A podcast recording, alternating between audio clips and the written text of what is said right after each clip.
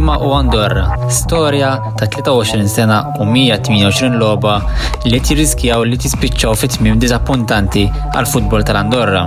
Dan għaliex Il-Defons Lima li għandu 40 sena u għal-kapten tat tim nazzjonali tal-Andorra bħalissa jinsab f'kontroversja mal-Assoċjazzjoni tal-Andorra dan minħabba li l-plejer ta' 40 sena ikkritika il-fatt li il-futbol tal-Andorra qatt m'għandux il-protokoll neċessarju rigward il-coronavirus. Dan wassal sabiex it-tim tal-Andorra bħalissa qiegħed jilab mingħajr il-kapten tagħhom fuq ordni tal-assoċjazzjoni. Fatt li qed iweġġa ħafna lil dan il-captain tant maħbub mill-partitari tal-Andorra. Dan il-plejer, il-Defons Lima, li kifettilkom għandu 40 sena, tkellem ma' Times of Malta sabiex jesprimi il-ħsibiet tiegħu fuq din l-istorja li bħalissa qed iċċaħdu milli jagħmel l-aħħar rekord li balu fil-karara tiegħu. Dak li jkun it-tieni plejer fl-istorja tal-futbol internazzjonali li jkun lab ferba deċenji u bekk ikunu u u jari li tmanen tal-Finlandja li jkunu għamlu dan ir-rekord tant mhux mistenni. Nittamaw li din tkun intervista tant interessanti għalikom u kol fl-istess ħin tgħinkom tapprezzaw eżet li dan il-plejer tant importanti għal-futbol tal-Andorra.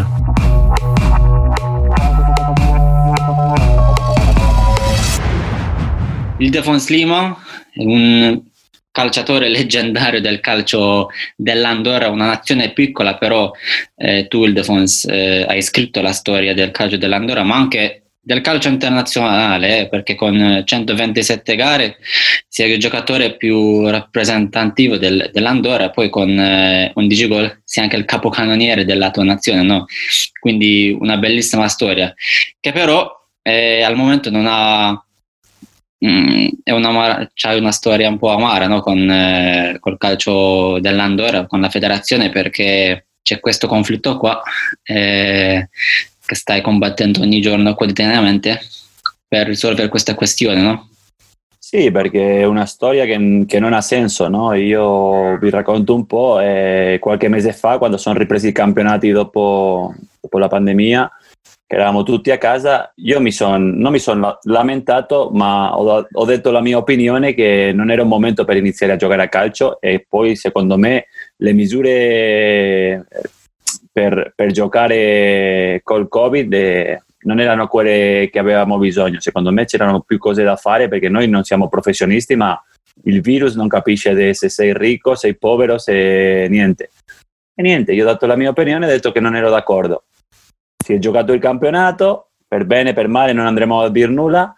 Poi è arrivata la nazionale a settembre e non sono stato convocato. E loro, il presidente, la federazione, alla fine sono due o tre persone, eh, non sono di più, non è che tutti non mi vogliono, eh, eh, ci mancherebbe.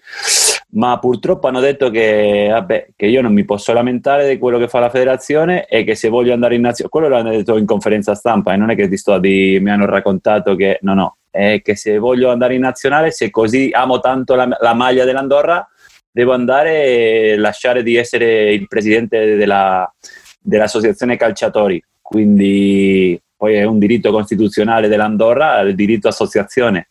Poi non è che abbiamo detto nulla di che, eh, abbiamo dato la nostra opinione e secondo me loro, io ho criticato a loro, se vai a guardare tutte le interviste che ci sono, io non ho mai detto parole contro la federazione perché sono un giocatore, perché devo ringraziare tanto la federazione che mi ha dato l'onore e l'orgoglio di, di rappresentare l'Andorra per tanti anni. Alla fine ci sono due o tre persone che vogliono dimostrare a tutto il mondo che comandano loro e secondo me questa volta si sono sbagliati alla grande, no? perché non puoi lasciare un giocatore andando contro i, i, i, i statuti de, della federazione, le leggi de, del paese, quindi hanno fatto un po' come volevano loro, come se fosse casa sua, ma non è casa sua e la cosa si è incasinata. No? Adesso siamo nei tribunali dell'Andorra perché loro non mi stanno permettendo di lavorare, io sono calciatore e loro, vabbè, io non ho un, proce- un, un, procedimento disciplinare aperto per, per, non andare in nazionale, quindi io non, non vado in nazionale, basta perché il presidente ha detto che loro hanno deciso che io non ci vado l'allenatore della nazionale Cold ha detto che lui mi vuole in campo, eh, che vuole che io smetta in campo e siamo così. Adesso FIFPro, che è l'associazione mondiale di calciatori, e AFE, che quella spagnola, quando sono venuti a sapere la situazione hanno fatto una denuncia a FIFA, al comité di disciplina di FIFA, perché dicono che, che non esiste al mondo una situazione del genere.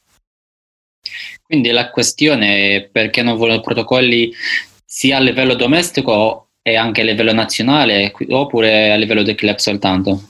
Ma sia a livello del campionato dell'Andorra, secondo me non, loro hanno voluto iniziare il campionato, la mia squadra era la prima in classifica, ma a me me ne fregava di vincere o no il campionato perché alla fine, eh, con tutti i miei rispetti, il campionato dell'Andorra, non è che mi cambierà la vita vincere il campionato dell'Andorra perché quando oltre il confine non sa nessuno che hai vinto il campionato, quindi io pensavo più a tutta la situazione in generale e poi i, i, i campionati di livello simile al nostro non è iniziato manco uno quindi manco la Francia che qua al nostro fianco non è iniziata, che sono dei professionisti che hanno milioni e milioni di euro. Noi abbiamo iniziato a fare il campionato e la cosa più, che mi, più mi sorprende è che in questo momento il campionato dell'Andorra non è ancora iniziato. La stagione 2020-2021 non è ancora iniziata, quindi sei mesi fa doveva riprendere il campionato per forza e adesso siamo l'unico paese in Europa che non abbiamo iniziato il campionato perché non ci sono le misure. Oh, se sei mesi c'erano, ci sono adesso che stiamo diciamo in un modo migliore. Sei mesi era tutto che non sapevi come andava a succedere, non potevi fare nulla, adesso non si giocava da nessuna parte, adesso si gioca dappertutto. Quindi sono delle cose senza senso, ma alla fine è, il fatto che ci sono due o tre persone che mi vogliono far fuori, ma si sono sbagliati di, di, di tutto. Poi ci sono dei giocatori che giocatori dell'Andorra, diciamo, nazionale o club che stanno con te o contro di te, magari qualcosa, anche se non penso che sono contro di te, eh, quindi perché è una cosa umana questo che stai facendo tu. No, no, no, al di là i giocatori della nazionale sono tutti con me, non dicono nulla perché alla fine se vedono quello che mi è successo a me, che sono quello più rappresentativo, dico, loro mi dicono, eh, eh, io non parlo perché se parlo che cosa faccio io? Quindi sono un po' impauriti que- a quel livello perché purtroppo funziona così, nessuno può dire quello, quello che pensa liberamente, no? E quindi... Però poi se c'è uno che deve parlare, quello dovrebbe essere lei ovviamente. È, è, è normale, ma poi io rispetto, poi ci c'erano giocatori che volevano riprendere il campionato, ci sono giocatori che no, ma eh, questa è la democrazia, no? ognuno dice quello che pensa e siamo a posto e andiamo avanti, tanto è per migliorare, mica ho detto io le cose per, non so, per andare contro la federazione mio, la cosa più bella per me è che un paese come l'Andorra cresca a livello calcistico, quindi non ha senso che io vada contro la federazione. Poi ci sono delle persone che possiamo stare un po' d'accordo o in disaccordo in quello che pensiamo, ma è tutto per il bene de, dell'Andorra e della, e della nostra nazionale. Quindi questo tutto è successo dal nulla, diciamo, prima della Nations League di quest'anno, no? Corretto, e la mia sorpresa è arrivata quando non sono stato convocato e vabbè, e loro prima della partita contro la Lettonia, che è stata la prima, hanno detto che io era, era fuori dalla convocazione per motivi strasportivi. Motivi strasportivi, ma cosa ho fatto io? Quindi loro non hanno detto, eh, hanno detto quello, hanno detto in conferenza stampa che, che io sono il capitano e che non posso dire delle cose contro la nazionale e che io non posso essere presidente dell'associazione dei calciatori. Oh, ma mica sono il presidente, de, non so, de, dei ladri di Andorra. Eh. Sono presidente dei calciatori perché alla fine sono quello che ha vissuto più esperienze a livello internazionale e non voglio che quello che succede in certi paesi con ragazzi che le, vengono ingannati e succeda qui e così parlano tutti bene d'Andorra. Ma purtroppo loro funzionano così, quando non sei d'accordo con loro e ti vanno contro e, e adesso siamo in quella situazione. Ma il problema di non fare protocollo è una questione finanziaria o qualcosa perché poi in tutti i paesi, anche incluso Malta, eh, hanno un protocollo a parte con tutti i tamponi, eccetera. Quindi questa è una cosa, diciamo, basica per far iniziare il calcio, no? Ma guarda, io basicamente mi sono lamentato perché siamo, siamo partiti a, far, a fare gli allenamenti senza fare i tamponi né nulla. Quindi siamo stati dieci giorni, la mia squadra sì, fatti, la squadra e la società ha pagato tutto, ma le altre squadre sono iniziate a fare gli allenamenti con le mascherine e a giocare a calcio. E io mi sono lamentato che prima di iniziare dovevamo fare i tamponi. E poi mi sono lamentato pure perché i protocolli di, di, dei campionati importanti, i giocatori vivevano nel suo mondo, no? si allenavano, andavano a casa sua o in albergo. Noi la gente lavora, questo è un campionato amatoriale. E qua, sì. per esempio, io ho un, compa- un compagno di squadra che è poliziotto e mi diceva, cavolo, io mi alleno con te, adesso vado là e se c'è qualche casino io mi devo mettere a litigare o a, ah. in contatto con delle persone e poi vengo a allenarmi senza fare dei tamponi, senza fare nulla. Quindi alla fine era quello che diceva, oh, facciamo le cose ma facciamole meglio. Ma no, no, no, eh, il suo modo è quello, hanno la verità assoluta e se dici qualcosa contro, eh, ecco, fuori, sono fuori. Dopo 22 anni con la nazionale sono fuori perché mi sono lamentato perché non ci hanno fatto i tamponi e perché si sono incansati due o tre persone e dicono che Ilde parla troppo e parlo troppo perché ho l'autorità per parlare perché conosco di quello che parlo. Purtroppo quando non c'è gente di calcio succedono queste cose. Certo, poi hai menzionato un punto importante perché come hai detto tu siete una nazione calcisticamente amatoriale come Malta che poi a Malta c'è stessa, lo stesso problema, nel senso che, come hai detto tu, i giocatori, tanti di loro lavorano e quindi protocollo c'è più bisogno del protocollo un campionato come quello maltese, come quello dell'Andorra, magari più di quello italiano o francese, perché loro vivono una, in una bolla magari, però come hai detto tu, i giocatori in un paese come Malta o Andorra vivono da altri lavori, e quindi è una cosa molto basica. E, Guarda, noi, noi per, per, farti un esempio, noi ci alleniamo in dei campi della federazione, ci sono due campi, ogni giorno, on, nel momento che ti stai allenando, ti stai allenando con altre tre squadre. Quindi cioè, ogni campo, noi non avevamo manco un campo tutto per noi, abbiamo metà campo, noi ci alleniamo così, quindi facciamo dei miracoli proprio. E ci sono due campi, ci sono quattro squadre e siamo tutti là. Alla, fi- alla fine non è che puoi controllare quello perché non, non c'è nessun protocollo che possa controllare quello. No, certo. Ma se lo vuoi fare, farlo per bene. Questo è il mio lamento quello. Non è che ho detto, oh, sono de- delle brutte persone che fanno questo casino. No, ho detto che secondo me era insufficiente. Secondo me continua a essere insufficiente in questo momento, ma ormai non entri per- perché sennò continua a litigare. Certo, perché poi come hai detto tu, eh, magari la tua squadra ha pagato i tamponi, però ci sono altre squadre che finanziariamente magari non, non, possono fare questa cosa qua. Poi non si può neanche allenarsi con la mascherina perché non fa senso alla fine. Guarda che noi ci alleniamo, con le, in teoria adesso in questo periodo ci stiamo allenando con le mascherine, ma a un certo punto dell'allenamento la mascherina la tiri giù perché non ce la fai e non puoi stare là a pensare con la palla, con la mascherina, non, non, non, ci sei con la testa. Quindi noi ci stiamo allenando con le mascherine da, non so, de, da luglio. Oh, Quindi, noi abbiamo fatto gli ultimi tamponi quando abbiamo giocato Europa League. Okay, poi sì. quelli della nazionale, quando vanno in nazionale si fanno dei tamponi, ma poi noi, noi, per esempio, nella nostra squadra questa settimana ci ha fatto dei tamponi a tutti i giocatori.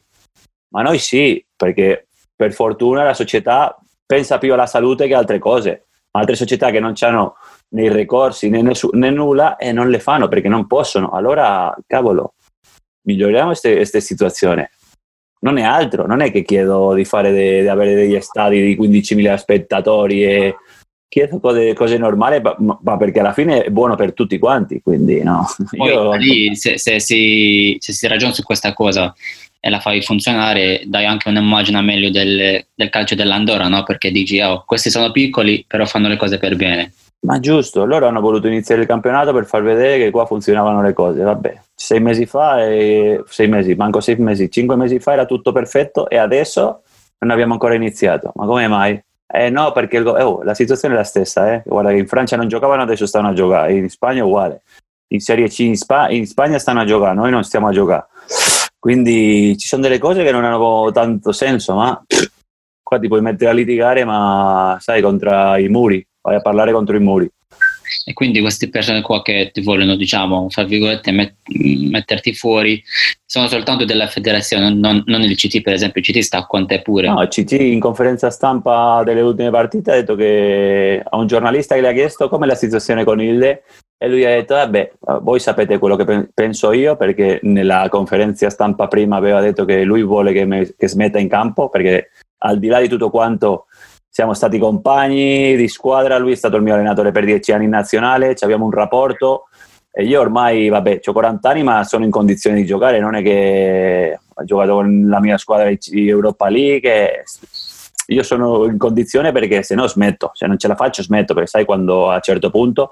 Certo. E lui gli ha detto al giornalista che né te né io possiamo far nulla, cavolo, se l'allenatore della nazionale non può far nulla per portarmi in nazionale, ma dove, dove siamo? eh, forse abbiamo sbagliato continente o non lo so. E a un certo punto quando dicono queste cose sembra surreale. Eh, oh, l'allenatore non può portare un calciatore perché? Eh, perché non li lasciano. Oh, ma cavolo, dite perché non lasciano? No, perché si lamentano. Cer- adesso stanno a certo punto che stanno cercando di, di far fuori delle cose mie per dire, eh, vedi, vedi che, non è, che, che, un, che, è un brutto ragazzo, un cattivo ragazzo. Giustificare tutto, no? Sì, sì, sì. Eh sì, no, no, perché lui è cattivo. Oh, ma che è cattivo? Ah, ma la volete finire? Ma purtroppo in Andorra succedono, nei paesi piccoli succedono queste cose e io mi, adesso mi trovo in, proprio in mezzo di tutto. E quindi la tua situazione, come hai detto tu, siete ancora in corso di procedimenti e tutto per far finire questa cosa qua. E loro vogliono che te si scusi per ritornare in campo o qualcosa, no? Ma loro, loro, mi chiedono di chiedere scuse di quello che ho detto, ma sai quando ti chiedono scuse? Devi chiedere scusa perché hai picchiato a questo ragazzo, ma se non l'ho picchiato che devo chiedere scuse? Devi chiedere scuse per quello che hai detto contro di noi. Eh, ma guarda che non ho detto niente contro di noi, ho dato la mia opinione. Non è che ho detto, oh, siete dei bastardi per, per parlare male. Certo, certo. Ho detto quello che pensavo, basta, con tutto il rispetto a loro, al suo lavoro, tutto quello che fanno, ma per il bene di tutti quanti. E siamo là, il presidente e, e i dirigenti, alla fine sono là ci saranno 7-8 persone che mi stanno contro, ci saranno 3-4 eh, perché alla fine loro si retroalimentano, sai, è, è, cattivo, sì è cattivo, dai facciamolo fuori, dai facciamo, fanno così. Ma, ma, ma, se ti metti a pensare non ha senso, cavolo, io stavo per giocare questa stagione e poi smettere. E loro, uno che sta per smettere adesso, che oh, ha fatto un Guinness, è il giocatore che più partite ha giocato in nazionale, quello che ha, giocato, fatto più gol, oh, lo fai giocare, lo lasci smettere poi alla fine quando smetti tutti si dimenticano di te. Ma invece vuoi fare la guerra eh, oh, eh, che devi fare? Io non, devo, non mi devo... Se non ho ragione sto zitto, ma quando hai ragione devi parlare e tutti devono conoscere questa situazione che è follia. No, certo. Poi questa situazione ti amareggia molto, no? Perché anche ho visto i tuoi post certo. social ieri, quelli su Michael Mixut e Pandev, che leggende eh, come certo. quelle meritano di, di uscire con testa alta, con dignità e con tanto rispetto, no? Eh certo, perché per paesi piccoli, no? Alla fine. È, è, quello che si fanno nei paesi normali. Uno, un giocatore che ti ha rappresentato per 22 anni, pure se non stai d'accordo con lui, eh, lo devi rispettare. E qua non rispettano nessuno. Non si rispettano manco loro con quello che stanno facendo, perché non stai rispettando la tua storia.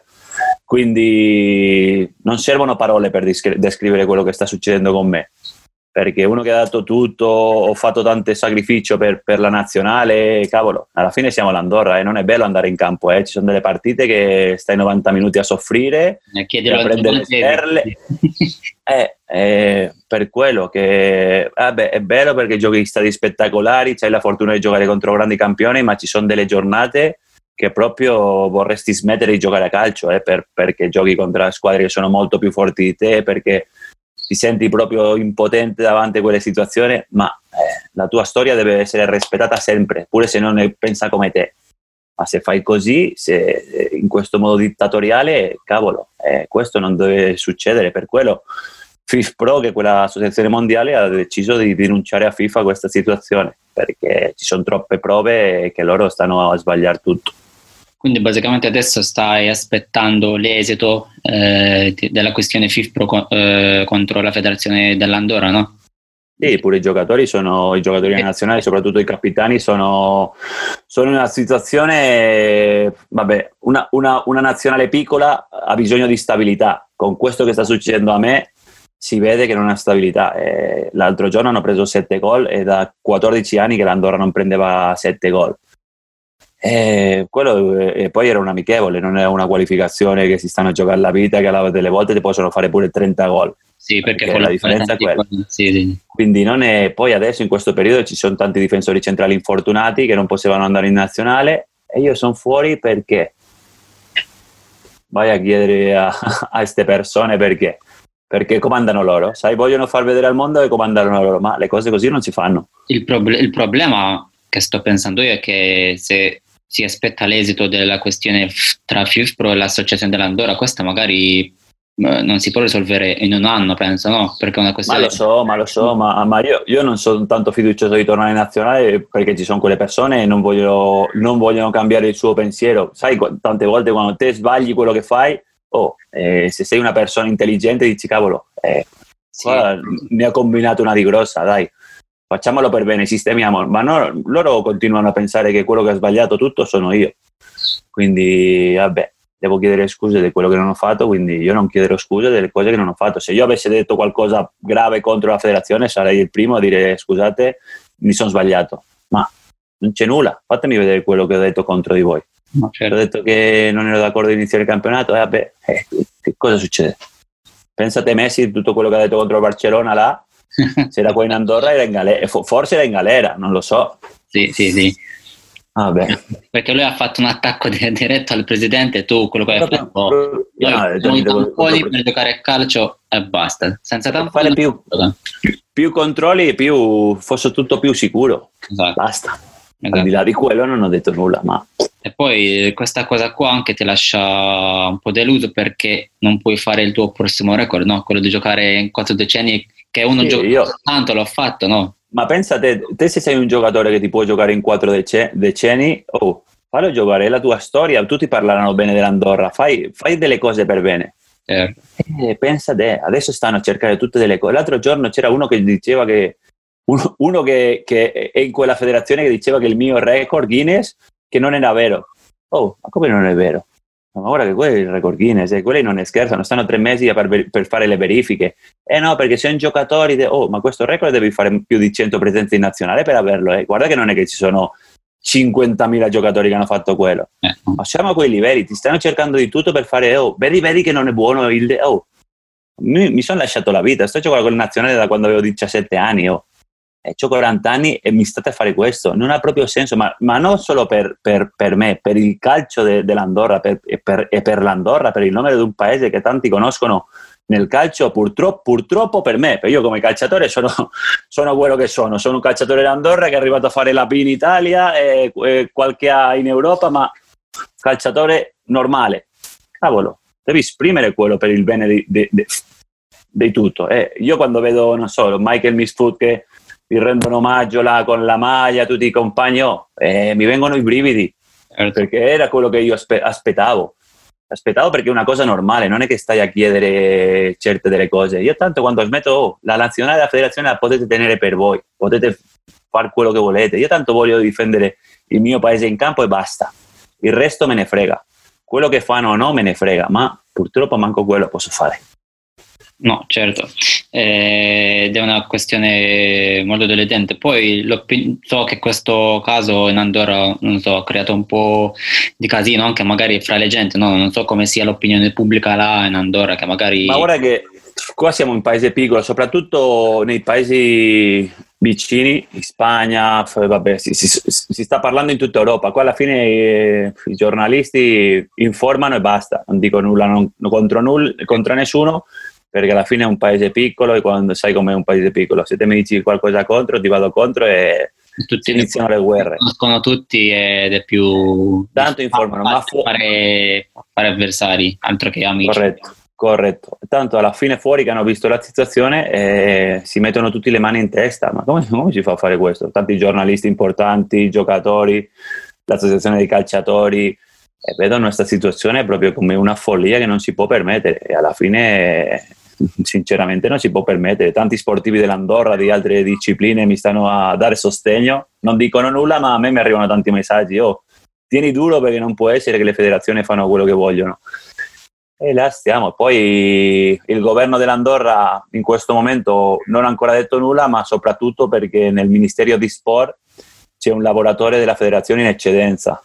Quindi eh, è normale che non dica nulla, no? È normale perché lui sta pensando quando smette di lavorare nel governo va a lavorare in federazione, quindi sta zitto. Pensate che io, quando io mi sono lamentato di, di, iniziare i campionati, lui ci ha criticato, oh ci sono tanti giocatori vecchi, per me l'ho detto, che, stanno, che non vogliono giocare e stanno a mettere delle cose in testa ai giovani. Pensate se io con 40 anni mi sto a preoccupare per giocare il campionato dell'Andorra. Ma adesso che mi stanno a trattare, che sta venendo fuori denunce a FIFA, denunce sui tribunali, zitto. Quindi perché stai zitto? Te quello che devi fare per primo è difendere lo sportivo, perché è il tuo lavoro adesso. Però loro possono entrare perché è una situazione di discriminazione, non è una situazione che io sto a raccontare. No, no, questo signore l'ha detto in conferenza stampa, è pubblico. Quindi, ma nessuno sta a dire nulla. Vabbè, ma continuiamo, andiamo avanti. Certo, poi eh, se fossi convocato domani saresti con noi a Malta, una partita molto importante tra l'altro no? per, per, entrambe le squadre e sicuramente stai ancora seguendo la nazionale, quindi perché ovviamente certo. la nazione no?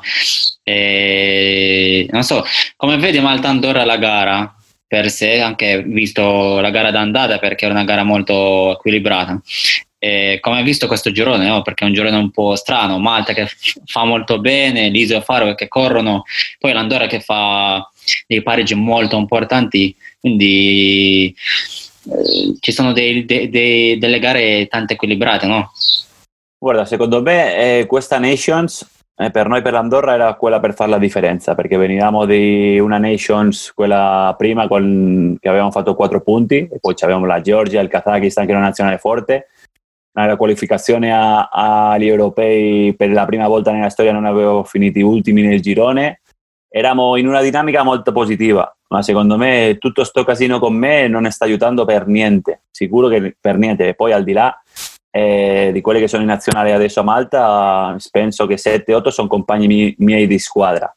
Quindi tutto questo casino manco aiuta loro. Poi siamo in un periodo che ci sono parecchi infortunati. Il campionato dell'Andorra non è ancora iniziato. Vieni di prendere sette, sette papine del Portogallo. Invece il Malta, Malta come nazionale sta crescendo perché, cavolo, eh, far tre gol all'X alla fine sono con quelle nazionali che te devi fare la lotta, certo. il Liechtenstein, San Marino, l'Andorra.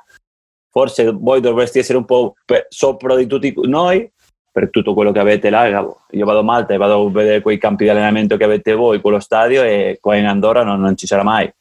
Quindi avete delle cose fantastiche, ma secondo me sia, se parliamo di dinamiche, voi siete in una dinamica molto positiva adesso e noi siamo in una dinamica negativa. Quindi, ma però delle volte un animale ferito è pericoloso, per sì. cui non ti devi fidare, ma delle volte l'animale ferito è quasi morto, quindi quello dipende da te. Poi la vostra vittoria 3-0 contro l'Iesstein sono quelle che ti danno la carica. No? Io ricordo una vittoria nostra contro il San Marino che abbiamo vinto 2-0 il San Marino, che è proprio dove, dove siamo ripartiti e di là abbiamo fatto dei risultati pazzeschi. Abbiamo vinto contro l'Ungheria, abbiamo vinto contro la Moldavia, pareggi di qua, pareggi di là. Eh, ci sono di quei momenti, forse quello è stato il vostro, il nostro è stato fantastico, ma adesso l'hanno buttato dalla finestra. Poi questa Nations League è una, cioè tanti criticano magari la Nations League, specialmente le squadre maggiori, no? Però per noi paese, Malta, Andorra, per noi questo è un campionato del mondo perché alla fine, come hai detto tu, lottiamo fra di noi e da lì esce il più forte tra queste categorie. No, vedi il Macedonia nelle qualificazioni, no? quindi... Ma, ma, secondo me è fantastico per le nazionali piccole perché al di là di tutto quanto eh, noi possiamo competere perché se no prima nei periodi tra qualificazioni mondiali europei c'era quel periodo che non, per fare un amichevole per le nazionali piccole era duro sì, sì. e così in questo modo fai delle partite ufficiali cresci come calciatori, cresci come nazionale, poi quando vai a giocare contro quello più forte, oh, eh, dai più fastidio. Serve per crescere tutti. Alla fine le nazionali big giocano tra di loro, sono belle par- peccato adesso che senza pubblico, ma sono belle partite per loro, per gioca- perché non devono giocare contro l'Andorra per dirti, o certo. contro il Malta, contro, giocano contro quelli che vogliono giocare. E noi giochiamo contro le squadre, io, eh, ti puoi togliere delle soddisfazioni, quindi è una, una, una bella maniera di, di, di, competere secondo me fantastico. Poi alla fine per chiudere, eh, ritorniamo alla tua, alla tua, situazione, però comunque tu eh, rappresenti una nazione piccola come l'Andorra, come hai detto tu, siete voi giocatori che andate in campo a prendere i 7 gol, i 6, 5, magari tanti criticano anche perché non vogliamo giocare contro l'Andorra, eccetera, però poi alla fine eh, rappresentare una nazione come l'Andorra magari è diverso da rappresentare una come il Portogallo, no? Magari ti riempi di, di orgoglio perché tu difendi una nazione piccola, eh, magari vai in stadi con tutto quella bolgia, tutto il boato contro di te. Co- cosa, rappres- cosa, significa rappresentare una nazione piccola come con l'Andorra, no? Alla fine. Ma è bellissimo perché dove noi a, a, livello tecnico, a livello tattico e fisico contro quei campioni che giochiamo eh, non ti puoi paragonare, ma delle volte oh, riesci a pareggiare tutto quello solo giocando col cuore. Eh, quindi co- cosa c'è più bella nel calcio che giocare col cuore? Noi delle volte sei là che sembri che ti arrivano i soldati dappertutto, i cross di qua, cross di là, ti arriva un altro tiro in porta, calcio d'angolo, ma devi stare là a lottare o a... Oh, vabbè, sono l'Andorra ma parlando male ho due coglioni grandi così, no? Quindi certo. è, è, fantastico. Poi quando giochi contro delle nazionali importanti e loro fanno fatica a segnarti e si incazzano, e, oh, sono delle soddisfazioni perché se vai a vedere noi col passaporto siamo in 30.000. 30.000 e qualsiasi pae, paesino di, quei, di, quelle nazionali big, no? Stai a giocare contro di loro e tante, tante delle volte stanno a faticare per, giocare, per vincerti quindi quello è l'orgoglio, no? Te sai, devi cercare. Io sono andato sempre in campo per 128 partite a cercare di vincere. Pure se giochi contro la Francia e sono i campioni del mondo, io ci provo. Poi quando vedi che la situazione va, va al di là, dici oh, oggi cerchiamo di, di, non prendere tante sberle, perché alla fine è quello che rimane. Oh, l'Andorra, vabbè, io ho perso contro, contro la Francia a Parigi 2-0 sì. e qualche mese prima il Brasile aveva perso la finale mondiale per 3-1, quindi poi aveva giocato anche contro il Brasile, poi no? Quello, quello eh, Brasile. Poi aveva giocato contro il Brasile e aveva perso 3-0, quindi siamo all'Andorra, quelli erano i campioni del mondo. Eh, e poi il Portogallo venuto, sono venuti qua in Andorra e hanno, vinto, hanno vinto 2-0 al secondo tempo. Guarda che sono i campioni Poi ci sono infatti tante squadre che vengono in Andorra e non vincono con tanto. Io ricordo il Galles che avete poi contro il Galles, poi hanno vinto 2-1 soltanto. Poi ci sono altre squadre che hanno faticato molto. La Svizzera, pure l'Under 21 eh, ha fatto 3-3 con l'Inghilterra. Corretto, quindi... corretto. Perché giochi con l'orgoglio e giochi in casa, poi quando vai al di là di fuori, tanto non giochiamo sul sintetico, quando vai sull'erba adesso fai fatica, eh? Sì, sì, perché sì. non abbiamo un campo. Tanto... È, tu, è tutto un altro discorso ma qua in casa cerchiamo di essere forti e poi l'abbiamo dimostrato. Io ti dico, ci sono delle partite che cambiano tutto e per noi è stato quella col San Marino, non so, tre o quattro anni fa, che adesso l'hanno buttato, come ti ho detto prima, l'hanno buttato nelle spazzature. Esatto, avevi segnato tu sul rigore, no? Se non ricordo. Sì, ho segnato io, mi sono procurato il rigore, me l'ha parato il portiere, ma al rimpallo ho segnato di sinistro. Con un disastro. Tantissima pioggia, no? oh, ma ti dico una cosa, è stata la partita, secondo me è stato, io ho giocato contro i campioni del contro il Francia, contro il Brasile, ma è stata la partita che era più nervoso, perché se perdi contro il San Marino, eh, sì, sì, sì, sì. può succedere, perché alla fine eh, sei là sei fottuto, non no, puoi dire, oh, abbiamo, perso, abbiamo perso contro Portogallo, vabbè, è il Portogallo, ma contro il San Marino, quel giorno io avevo dei, dei, nervi che, che, li sentivo e dicevo, mamma mia, questa non si può, e poi giocavamo a casa sua, e manco quello. Poi abbiamo vinto e ci, to- ci siamo tolti il record di, di sconfitte che c'eravamo noi fino a quel punto, poi l'ha, l'ha preso il San Marino e oh, ti sei levato un peso da dosso, da dosso, e guarda, siamo andati avanti, siamo cresciuti, siamo cresciuti, siamo cresciuti e secondo me adesso è arrivato un punto che ci hanno tagliato le, gambe per tutto questo disastro, perché si parla più di... Per esempio, l'altro giorno si parla più in Portogallo del mio caso, vengo fuori su tutti i giornali, adesso in Malta penso che ci, ci sarà di parlare di questa situazione. Oh, non si può parlare di cose strasportive, si deve parlare di calcio. Quando non si parla di calcio eh, non, non va bene e purtroppo adesso siamo in quel periodo in Andorra. Vabbè, no, no, no, fino a quando non lo so. Poi alla fine noi tutti facciamo il tifo anche per le squadre minori come noi, eh, perché eh. quando vedo San Marino che fa un pareggio, Liechtenstein che vince, dico eh, dai, perché io alla fine noi siamo gli stessi, passiamo dagli stessi momenti e poi non si può vedere situazioni come queste, specialmente nei paesi piccoli dove eh, magari noi siamo più famosi per prendere tanti gol e quindi perché dobbiamo ah. metterci altri problemi su di noi? Perché? Non fa senso, no?